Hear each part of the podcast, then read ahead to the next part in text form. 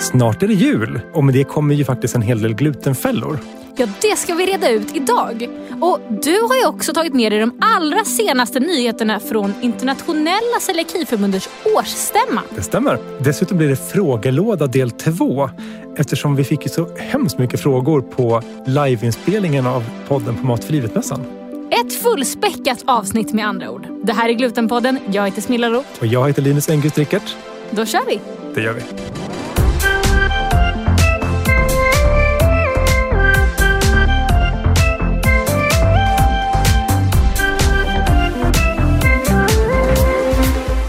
Det är massa saker vi ska gå igenom idag. Ja, Men innan vi går igenom allt det så, Linus, vad är egentligen det senaste som har hänt i glutenvärlden?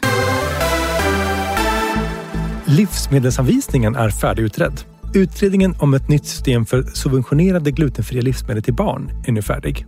Den 8 november, några månader försenad, lämnades betänkandet på 369 sidor över till sjukvårdsminister Acko Ankarberg Johansson. Förslagen, som vi på förbundet räknar med ska ut på remiss inom kort, riskerar dessvärre att göra subventionen både dyrare och sämre. Celiakiförbundet kämpar dock på för att det ska vara lika för alla, att subventionen ska minska kostnaderna för maten och att produkterna ska vara goda och nyttiga. Den som vill läsa betänkandet i sin helhet kan leta efter SOU 2023 71 Speciallivsmedel till barn inom öppen hälso och sjukvård. Man undrar ju direkt liksom vad som har hänt. Varför det, blir det sämre? Vi jobbar väl för att det ska bli bättre hela tiden? Det gör vi ju. Men sen så känner ju regionerna att det kostar lite mycket pengar tycker de. Ja. De ser ju inte riktigt vinsten med att ge barn gratis mat. Så att det som man gör bland annat är att man ökar egenkostnaden. Just nu kostar det 120 kronor för att plocka ut mat för tre månader. Framöver kommer det kosta 210 kronor för att plocka ut mat för en månad. Oj! Eh, och det blir då en totalkostnad på kanske 480 kronor idag och typ 2 500 då. Om det här kommer det liksom bli på riktigt. Men kommer det ens eh, bli värt det då? Det är ju frågan. Alltså om, om de då skriver ut produkter som är bra och nyttiga och som barnen äter. Ja. Då räknar man med att subventionen kanske är värd någonstans runt 6 000 kronor per år. Ja. Så då blir det fortfarande, man tjänar ju någonting på det. Men sen är det fortfarande, du måste ju ha de pengarna för att kunna hämta ut maten. Alla kanske inte har det. Nej, och jag tänker att eh, de pengarna man lägger på specialkost eller liksom glutenfri pasta, glutenfritt bröd. Det kanske man då ändå vill lägga på den, den pastan eller bröd som barnet verkligen vill ha. Inte välja den här korta, korta katalogen. Alltså betala jättemycket pengar för produkter som inte ens är en favorit eller det man vill äta egentligen. Nej, precis. Och, och det är också en, en liten försämring här. Att tidigare så har det varit så, eller just nu är det så att det är en lista som Läkemedelsverket gör som man ska välja ifrån, som är typ 70-80 produkter. De flesta använder inte den, tyvärr. Eh, och framöver så blir det regionerna, då, om det här förslaget går igenom, regionerna själva som får bestämma vad de ska subventionera och vad de ska erbjuda. Och det har vi sett att till exempel Stockholm och Kalmar gör. De har då 10 produkter på sin lista, eller om det är 12, som Så- är sånt som inte barn vill ha. De 12 produkterna eller 10 produkterna ska man betala över 2000 kronor för per år. För att få galet. hämta ut. Det är jättekonstigt. Och det är dessutom sånt som många barn inte vill ha. Så det blir, det blir mer eller mindre saker som att subventionen då inte blir värd någonting. Nej, och då kommer det väl sluta med att de eh, slutar subventionera för att man vill ändå inte utnyttja det. Typ. Exakt så tror jag att det blir. Nu är jag lite konspiratoriskt lagd, men jag tror att det, ju sämre man gör den, desto, desto färre människor vill ha den. Och då kan man säga att det finns inget behov av den. Vi tar bort det. Det är riktigt upprörande och provocerande måste jag säga. Ja, vet, vi tror inte att det här blir så bra. Så vi, vi försöker kämpa för att det ska vara lika för alla. Det ska vara lika oavsett vart du bor, Blekinge, eller Sörmland eller Norrbotten. Det ska vara bra produkter, sånt som faktiskt barnen käkar. Inte liksom då det som man vill, som är billigt. Utan det ska vara det som barnen käkar, som är nyttigt, som dietisterna faktiskt vill skriva ut. Och det ska vara kopplat till dietistbesök och dietistkontakt. Riktig uppföljning. För det ser vi att de som har gått över till kontantbidrag till exempel, de har inte kvar dietistkontakt längre med barnen. Och det är jättedåligt. Jag förstår. Men nu när det här då är färdigutrett och den här eh, 369 sidor långa eh, betänkandet har liksom Mm. lämnats in. Vad, eh, vad händer härnäst och hur kan ni påverka någonting? Eller kan vi påverka någonting? Vad är... Ja, nu, nu så ska det väl förhoppningsvis ut på remiss eh, och eh, flera olika remissinstanser får säga sitt. Och vi hoppas på att vi är en sån remissinstans, annars så gör vi oss till en sån. Eh, och kommer med våra åsikter och synpunkter just för att det här handlar ju om, om patienter, det handlar om barn som behöver hjälp för att få i sig den maten de behöver. Vissa har mycket pengar, andra har inte det. Nej. Gud vad eh, bra, då får vi verkligen följa och se hur det här utvecklar sig. Och för att påverka kraftigt så behöver vi såklart så många medlemmar som möjligt. Så att bli medlem. Känner du någon som inte är medlem, påverka den att bli medlem. Så vi har så starkt som möjligt när vi pratar med politiker och andra makthavare om de här frågorna.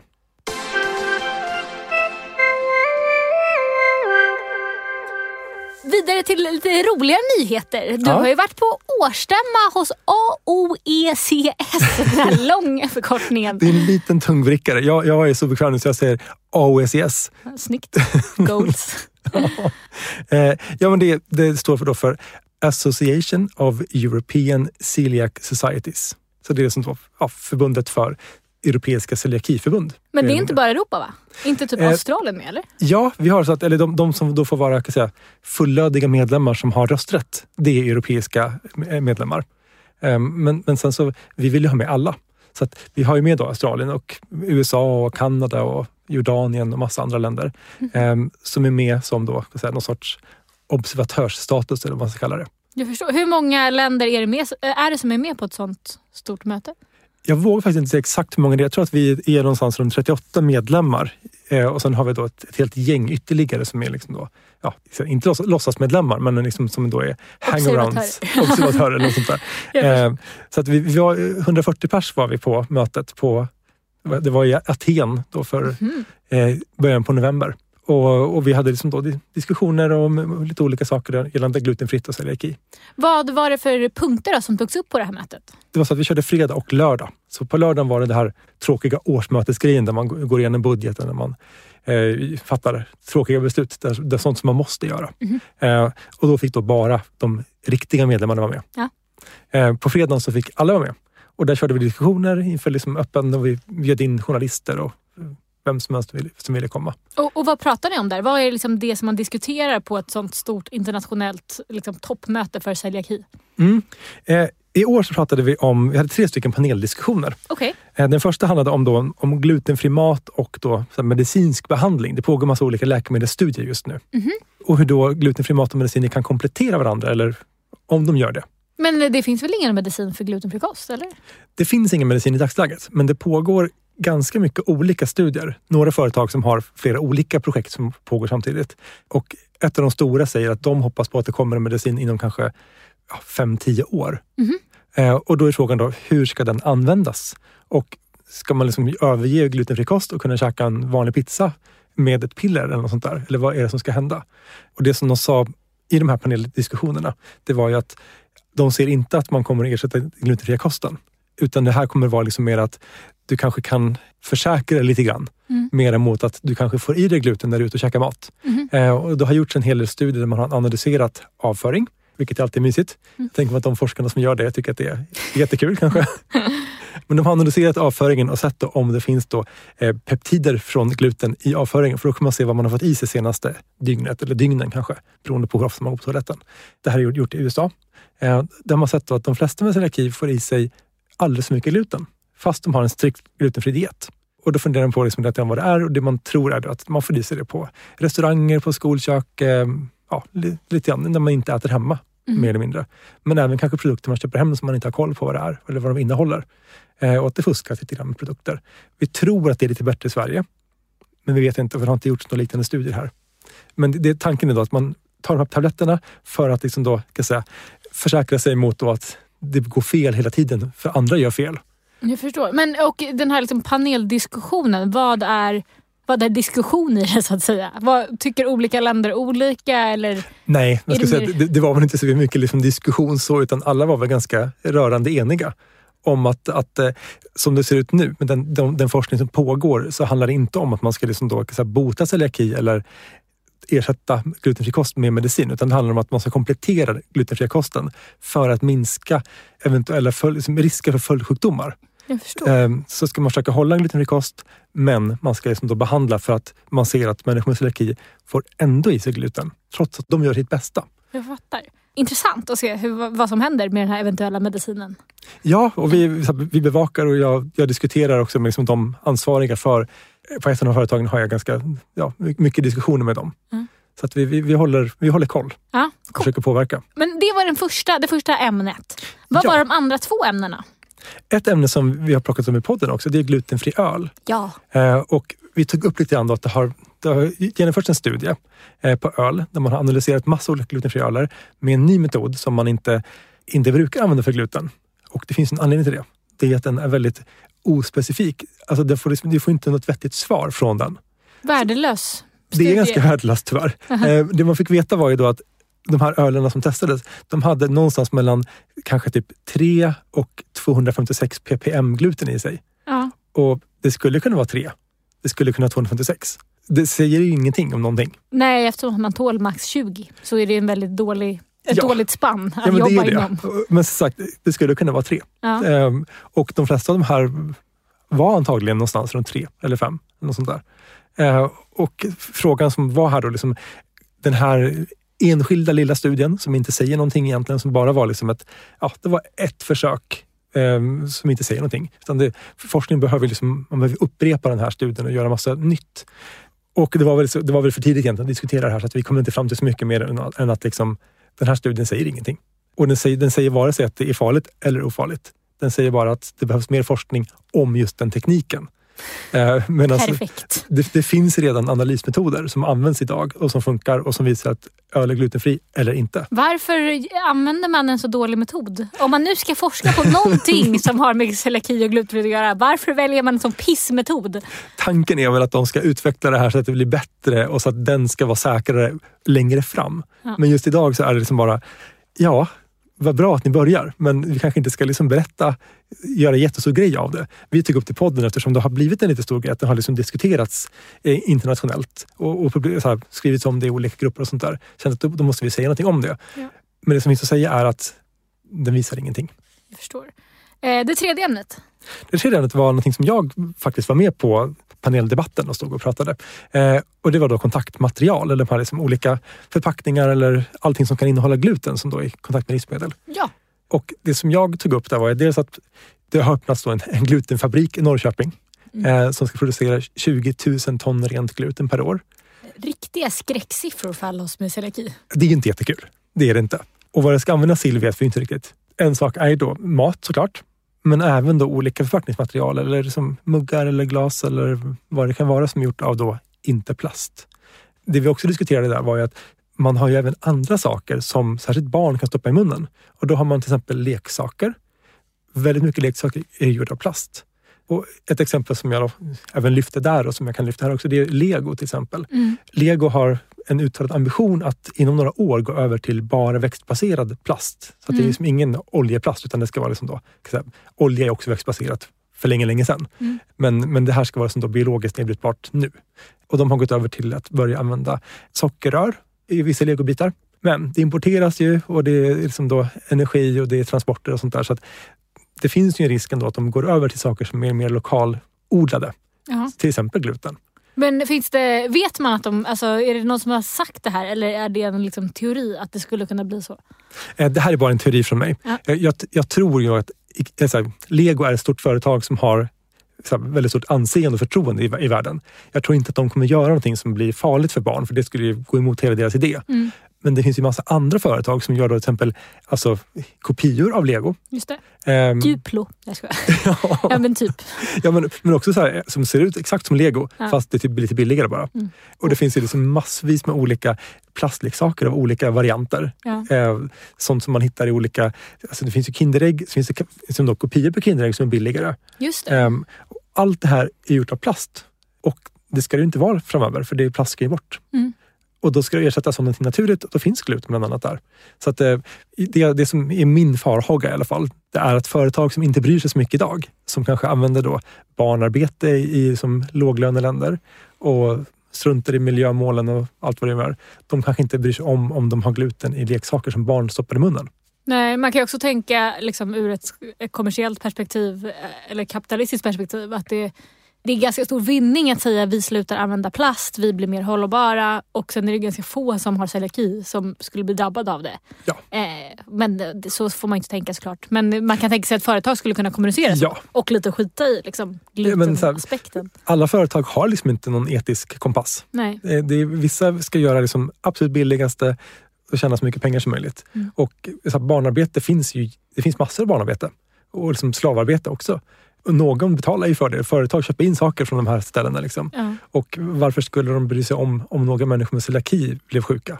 Det låter ju som värsta skräckexemplet. Att man skulle, när man köper en leksak till sitt barn, behöva leta efter en innehållsförteckning som jag gissar inte ens kommer finnas. För det finns väl inget krav på att det ska vara Nej. innehåll i en leksak. Liksom. Nej.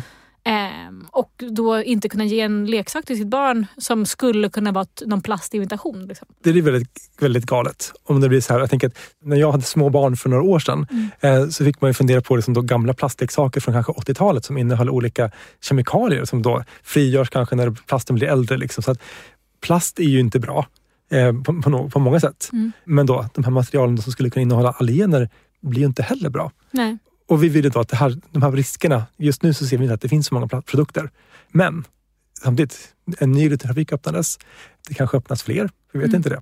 Vem är det som man vill påverka? Alltså vem är det som kommer bestämma det här? Är det de enskilda leksaksaktörerna som man vill liksom påverka att inte använda den här glutenplasten? Eller är det att man inte ska få använda gluten överhuvudtaget för att göra kontaktmaterial? Jag tror, att, jag tror inte vi kommer att kunna påverka att inte använda gluten. För det är så här, de som tillverkar gluten, de vill ju sälja det. Ja. De vill inte kasta bort det. Så deras in- intresse kommer att nog att, att räknas före det här. Eh, men däremot tänker jag att det som vi vill liksom från AOICs sida, även Svenska Celiakiförbundet, är att om det finns risk för att det ska kunna vara farligt för någon, Mm. då måste vi skriva ut vad det innehåller. Mm. Så att den som, som det kan vara farligt för kan undvika den. Och annars ska det inte kunna vara farligt. Nej. Om det innehåller gluten så ska inte glutenet kunna komma ut ur produkten. Punkt slut. Mm. Du ska kunna veta om det är farligt. Står ingenting, då är det inte farligt. Det är Nej. liksom där, där vi ska leva. Ja, jag förstår. Eh, och då är det Europaparlamentet som liksom beslutar om de här sakerna som sen då kommer ner till, till medlemsländerna, då Sverige bland annat. Gud vad intressant verkligen. Min, på tal om det här berättade min mormor att hon hade varit hos tandläkaren eh, och fått någon sån gratis tandborste på vägen Mm. ut som man bara hämtade med sig. Och att hon eh, hade sett att den var gjord i någon lite så speciellt material. Typ. Ja. Och så stod det typ på baksidan så här, den här är fri från plast, eh, gjord med bland annat vete. Typ. eh, det känns ju också helt galet. Att såna här Ja. ekotandborstar ska börja innehålla gluten. Ska man liksom stå och löddra upp glutenet i munnen? Ja, men där är den stoppar ju verkligen i munnen. Ja, Eh, Där, där finns det risk för och att den, gnuggar. Alltså det är inte Ja, bara som ett nej. sugrör. Det är verkligen... Nej, precis. Men det, det finns ju massa olika produkter där man liksom inte riktigt tänker på att det här skulle kunna släppa loss gluten ner i tarmen på något sätt. Ja. Ehm, och det här, alltså man har inte riktigt tänkt på de här grejerna. Ehm, det är jättebra att det står på dem såklart, men alla skriver ju inte det. Nej, nej, och jag tänker att det här är ett exempel som, kommer, som har hänt redan. Det finns i Sverige här och nu. Ah, det ja. finns en liksom, tandborstmottagning eller en folktandvård Ja, eller vad ja. som delar ut de här as we speak. Typ. Precis. Så det här är inte något som så här, kanske händer i framtiden. Och så, utan det, det, problemet är ju här redan. Problemet är här. Och så det vi tror är att det inte är jättestort just nu, Nej. men det är här. Ja. Eh, och därför måste ju liksom då, det måste lagar på plats nu. Helst igår såklart Mm. och helst liksom för 10-20 år sedan. Men definitivt nu när plasten faktiskt på riktigt börjar försvinna och man ersätter då ja, tandborstar, engångsmuggar, you name it. Alltså allting som är plast ersätts Mm. i, i olika snabb takt. Så det här är en fråga som vi tycker är jätte, jätteviktig. Eh, och där vi också ser då att här finns det jätterisker. Men i ett sånt här stort möte eller årsstämma, är det så att olika länder har liksom olika hållningar på till exempel den här glutenplastfrågan? Eller så? Eller är Eh. ni ganska överens? Typ? Jag skulle säga att nu är vi ganska överens. Tidigare har det väl skilt sig åt lite grann så här, som hur mycket man vill liksom ta upp den här frågan eftersom här, man tänker att ja, men, det är ju liksom en risk som kommer sen. Det är ju ingenting som händer nu. Men eh, ju mer produkter vi ser som innehåller gluten eller som skulle kunna innehålla gluten och som då så potentiellt skulle kunna släppa ifrån sig gluten till maten eller rakt in i personen som använder dem. Som en tandborste då, eller ett sugrör eller en mugg eller ett, vad vad det nu kan vara. Ju mer det kommer produkter desto mer ser ju alla att fast vi måste ju ta det här på allvar just nu. Vi kan Mm. liksom inte vänta. Det handlar inte om att vi ska skrämma våra medlemmar liksom för att de ska bli jätterädda utan det handlar om att man ska vara medveten om att, här, att håll lite koll. Ställ frågor i alla fall. Liksom, fråga vad är tandborsten gjord av om det inte är plast? Mm. Eh, Det skulle kunna vara vetestärkelse som inte, så här, det behöver inte ha massa gluten i sig. Plus då att den behöver inte heller släppa ifrån sig gluten. Men det skulle kunna göra det. Mm. Och var, så här, var, lite, var lite försiktig, var lite vaksam. Men också så här, fråga hela tiden. För att ju mer frågor som kommer, desto mer kommer de som skänker saker eller ger eller serverar kommer behöva fundera lite grann på vad det är för någonting. Mm. Och ska jag hålla koll på det här? Verkligen. Men på det här då årsstämman, eller mötet, bestämmer ni då typ så här, okej okay, men det här är det vi ska jobba med framåt, ditt, ditt, ditt. Liksom. Eller är det mer att det är årsmötesgenomgång, allt det där tråkiga som du pratade om och sen är det mer diskussion om det här? Det, det är väl mer lite diskussioner. Sen så är det väl mer styrelsen som beslutar lite grann om hur man går framåt i de olika frågorna. Och sen kanske man får ha något, något extra möte, en extra stämma för att besluta om man ska ha någon särskilt stor inriktning. Men här känns det ändå som att de flesta var överens om liksom att här måste vi agera. Vi måste, ungefär vad vi ska göra. Att vi måste, vi måste gå på EU. Mm. Att eh, lagstifta om det här. Eh, nu är det ju ett Europaparlamentsval som kommer då här eh, våren 2024. Eh, så att efter det är det ju läge liksom att snabbt, här, när nya parlamentet är på plats och nya EU-kommissionen, att då måste vi sätta igång liksom direkt och påverka och lyfta de här frågorna. Det blir väldigt spännande att följa och extra mäktigt att du är invald i styrelsen så du personligen kommer vara med och kunna påverka och göra skillnad på riktigt. Ja, det är jättekul. Under våren sponsras Glutenpodden av Celiakiföreningen i Skåne län som hostar södra Sveriges största glutenfria mässa, Det goda livet. Ja, välkommen den 25 maj till Malmömässan i Hyllie för att tillsammans med oss fira mässans 10-årsjubileum. Läs mer på specialkostmässan.se. För vi kommer också ha livepoddar, så det kommer ju bli superkul. Det. Lyssna på oss där. Det är ändå ganska fett att vi är Sveriges största podd med inriktning glutenfritt. Men det det egentligen betyder är ju att vi varje månad når ut till liksom tusentals celiakister och andra glutenfritt intresserade. Ja, och Jobbar just du på ett företag som tar fram glutenfria produkter eller ett företag som pysslar med något helt annat men tycker att celiaki är en viktig fråga eller våra lyssnare är en viktig målgrupp att nå ut till? Då kan ni ju sponsra oss. Ja, ni når ut till hela celiaki-Sverige med ert budskap och vi kan fortsätta göra den här podden. En riktig win-win. Hör av er till info at celiaki.se så kommer Linus berätta allt ni behöver veta.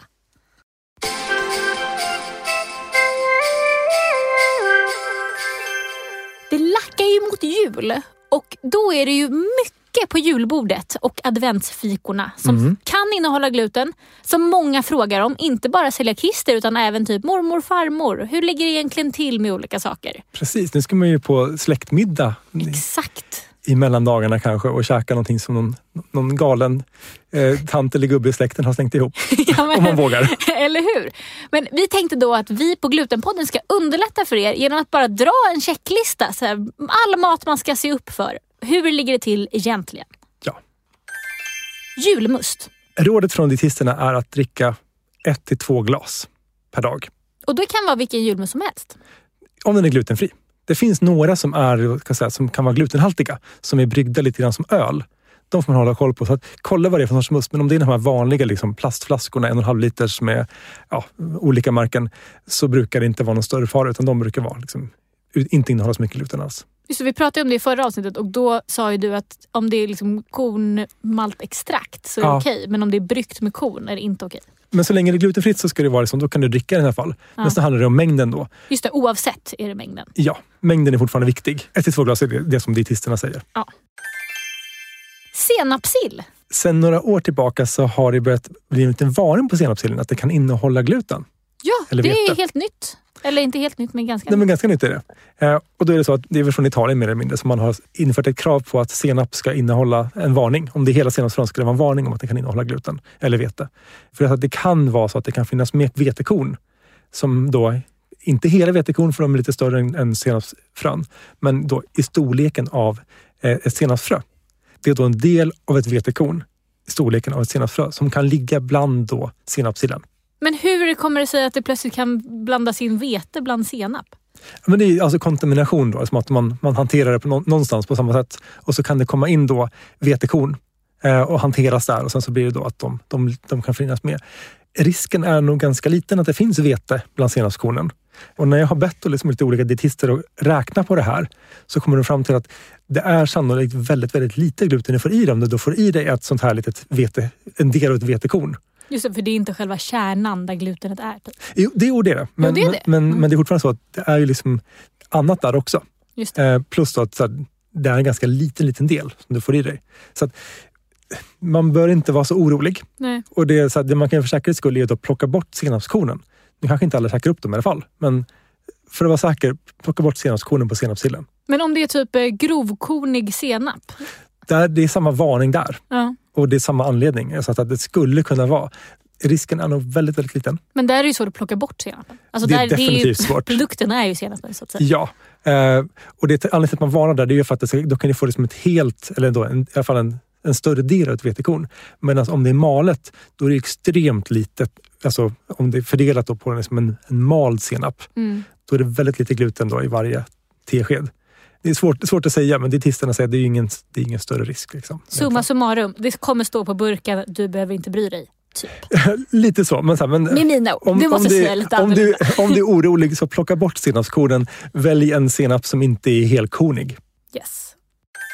Eh, vörtbröd, om man ska baka det, hur är det med vörtkryddan? Vörtkrydda, om man har vört så är det liksom en del av det här, alltså så här, vid, vid öltillverkning, där innehåller det massa gluten. Och då vanligt alltså, vörtbröd, då är det massa gluten i både brödet och i vörten.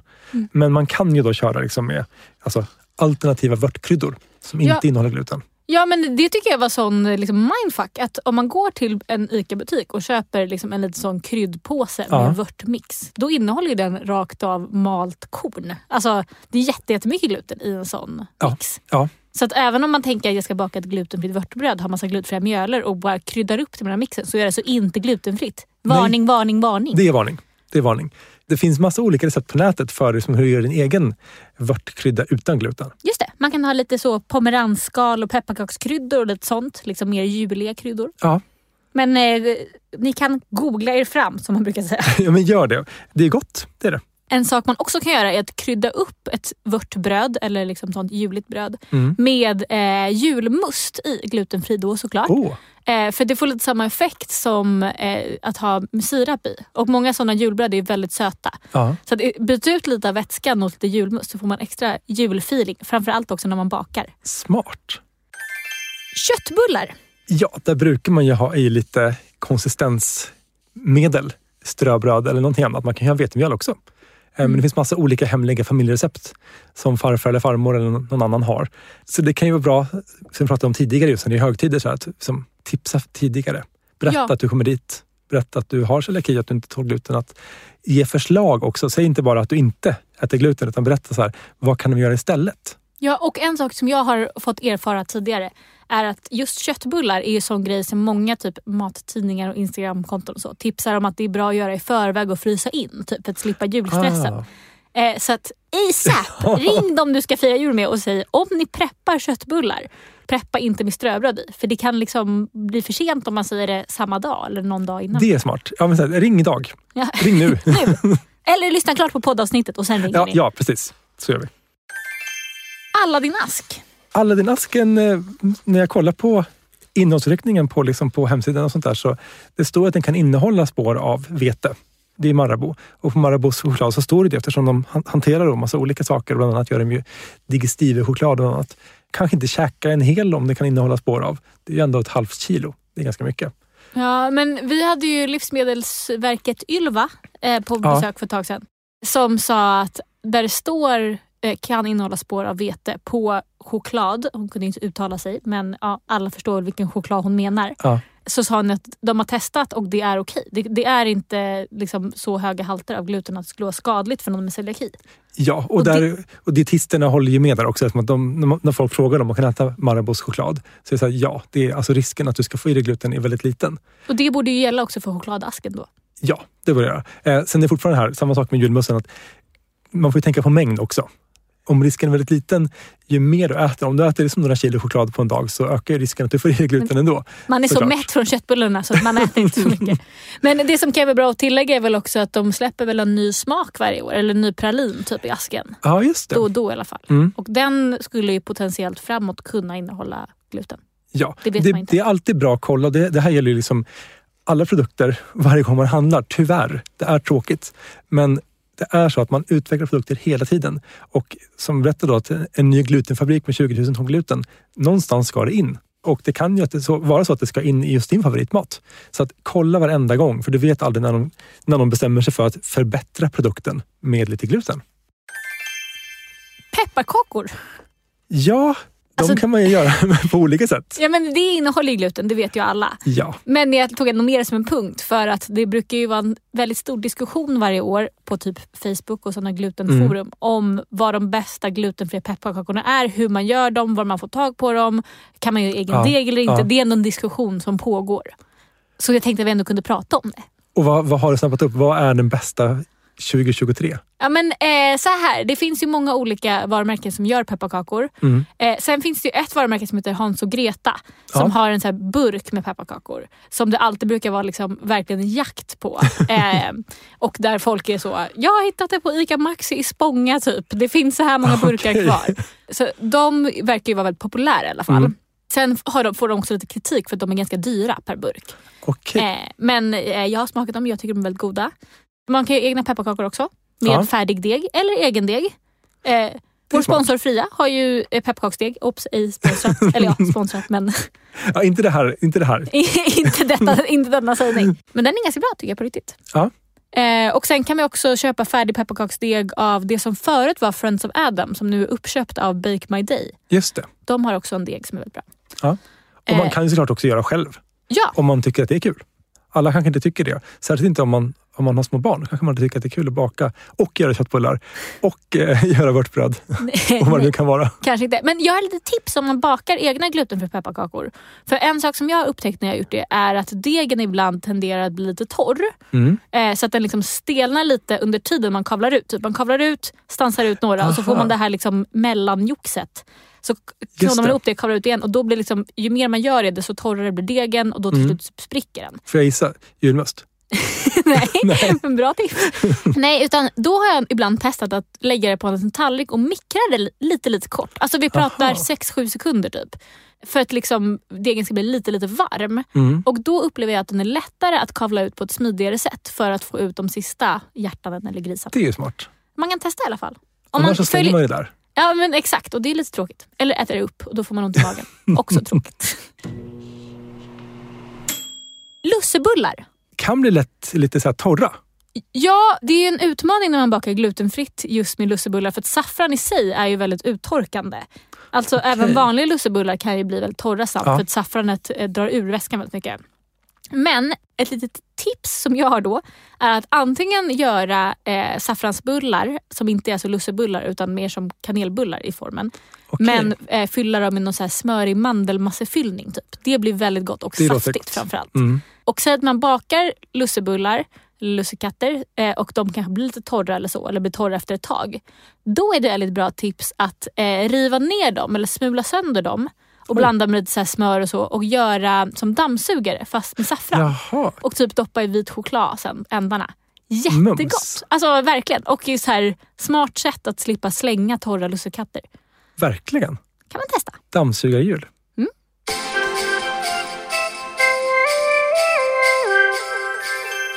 Sist men inte minst så sa vi att vi skulle plocka upp några frågor ur den här frågelådan som vi hade i liveavsnittet när vi poddade från Mat för livet-mässan. Just det. Och vi har valt ut tre frågor som vi tänkte dra idag. Ja. Vi börjar med fråga nummer ett. Jag och min kompis är 14 och 16 år gamla och vi har båda celiaki. Tror ni att forskningen kommer kunna få fram ett botemedel mot celiaki? Eh, alltså, som vi pratade om tidigare så pågår det ju forskning nu om att hitta någon medicin som gör att man här, minskar riskerna med att, att äta glutenfri kost som kanske inte alltid är glutenfri. Just och frågan är om man får botemedel. Alltså, just nu håller man på att forska väldigt mycket också på att försöka förstå gåtan om celiaki. Så att ett botemedel kanske kommer, men det tar nog ganska lång tid. Om jag har celiaki, behöver någon i min släkt också ha det då? Där är faktiskt svaret nej. Det är genetiskt. Det är genetiskt, men det är risken som man ärver. Ja, ja, Det är ja. inte ja, själva ja. sjukdomen, för då hade du ju haft den liksom när du föddes.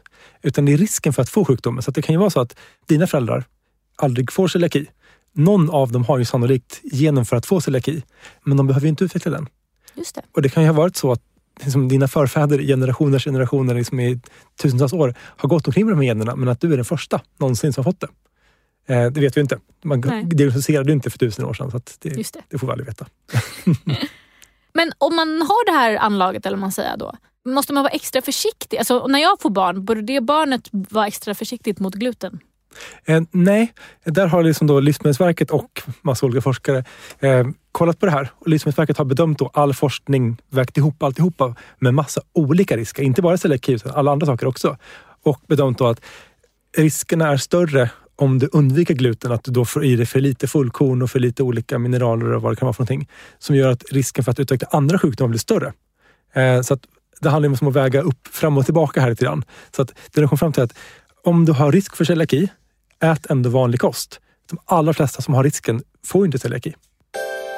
Sista frågan. Eh, vad är det för skillnad mellan celiaki och att inte bara tåla gluten? Där är det så att man har forskat ganska mycket på den här gruppen som kallade sig glutenkänsliga. Just det. Och många forskare har tänkt sig att det finns en grupp som, som då inte tål gluten. Sen har man gjort en massa olika så här, liksom randomiserade dubbelblinda studier och varken forskaren som genomför studien eller den som då är med i studien som forskningsobjektet vet vad som är vad, vilket som innehåller gluten eller inte. Och det man har sett där är att gluten verkar inte vara problemet för de här människorna eh, som då upplever sig inte tåla gluten, utan det är någonting annat. En teori är att det finns då ett så naturligt eh, säga, skadedjursskydd i då, sädeskärnan mm -hmm. som ska skada dem mot, skydda mot olika skadedjur. Det i sin, så skulle kunna ge olika symptom eh, okay. hos människor. Eller då att det kan vara då kolhydraterna som är lite, kan vara lite svårhanterade för magen. Eh, och då handlar det mer om IBS. Det man har sett är att den största gruppen av de som upplever sig som glutenkänsliga har sannolikt IBS. Och de andra då kanske inte tål någon annan del. Men just gluten verkar inte vara så många som inte tål det. Man kan ha celiaki, man kan också ha veteallergi, eh, man kan också ha glutenallergi. Det är väldigt få som har det, men det finns, man kan ha liksom allergi mot allt mer eller mindre. Förutom de här som har allergi eller celiaki så är inte gluten problemet verkar det som. Jag förstår. Men eh, det kanske är lättare för dem att bara säga att så. Jag är känslig mot gluten, men när de egentligen är känsliga mot skadedjursämnet ja, i och det, och det vet man inte ens. Eh, Nej. Det här är bara liksom teorier än så länge. Eh, men det är så att man, det man märker är att man mår bättre om man äter en glutenfri kost. För då undviker man ju också andra delarna av vetet. Ehm, även om det är glutenet man tänker på som är liksom grejen. Så att eh, bästa är att om du inte har celiaki, tycker att du reagerar, prata med en läkare och dietist. Det var allt vi hade för idag.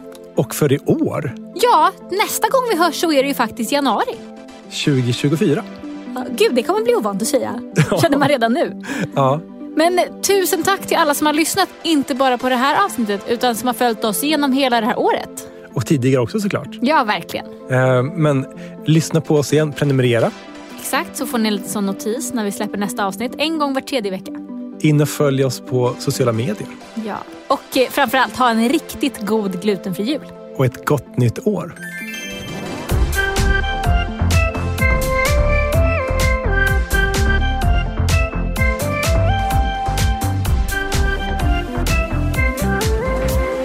Det här programmet görs på Beppo. Beppo.